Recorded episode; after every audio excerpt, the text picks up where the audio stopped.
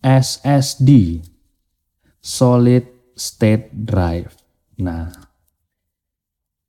SSD adalah sebuah media storage seperti hard disk, cuman dengan teknologi dan fitur-fitur yang lebih mutakhir daripada hard disk. Jadi bisa dibilang ini adalah bisa dibilang ini adalah um, ya calon pengganti lah dari teknologi hard disk. Jadi SSD ini keunggulannya tuh tidak ada komponen yang bergerak, nggak ada yang berputar, nggak ada. Jadi yang bener-bener solid state, isinya tuh transistor, chip. Nah isinya transistor, chip. Isinya adalah transistor, chip. Ya intinya tidak ada tidak ada komponen yang bergerak. Nah keuntungannya, keunggulannya dari SSD itu lebih durability-nya lebih bagus daripada hard disk. Karena apa? Kalau hard disk itu yang yang utamanya tuh ya itu rawan guncangan. Karena apa? Di dalamnya itu di dalam hard disk itu ada semacam cakram disk ya seperti cakram yang kalau misalnya kebanting atau jatuh itu rawan tergores. Nah ketika tergores wassalam selesai hard disknya nggak bakalan fungsi lagi. Nah kalau untuk SSD nggak ada komponen yang bergerak. Jadi untuk guncangan sepertinya lebih lebih nggak ya lebih kuat lah lebih nggak ngaruh sih untuk guncangan ya. Dari segi performa lebih kencang SSD daripada hard disk. Kenapa? Um, di sini kita berbicara dari transfer rate ya transfer rate. Nah untuk hard disk itu transfer rate-nya sekitar hard disk itu transfer rate-nya itu sekitar 100 sampai 200 megabyte per second.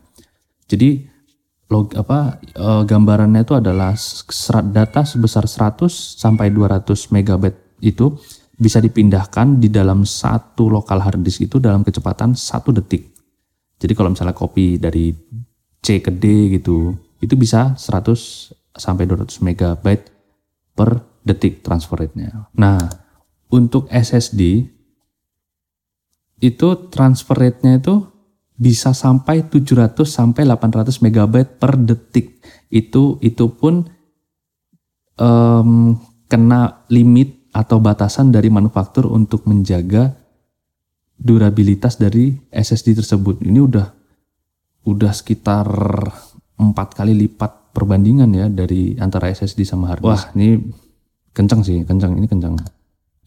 Nah, jadi di, dilihat juga dari kebutuhan kalian kalian ya um, komputer kalian itu fungsinya untuk apa? Apakah untuk office, untuk gaming, untuk multimedia editing atau untuk apa gitu? Itu harus dilihat dulu. Kalau misalkan untuk office, ya hard disk ya udah cukup lah. Paling gedein RAM untuk multitasking kan. Kalau misalnya lo kerja butuh ngetik-ngetik sambil collecting data dari internet. Nah itu kan multitasking, buka beberapa tab itu yang diserang tuh RAM. Jadi disesuaikan dulu uh, fungsi dari lab apa laptop kalian.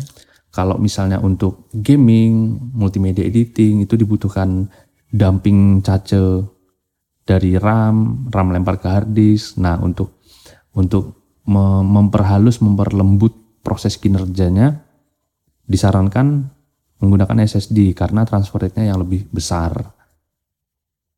Gitu. Jadi disesuaikan dulu mengingat harga dari SSD itu untuk saat ini lumayan lumayan ya dua kali lipat dari hard disk standar lah harganya. Agak mahal sih dengan kapasitas yang kecil. Karena ini kan yang kita cari adalah performanya.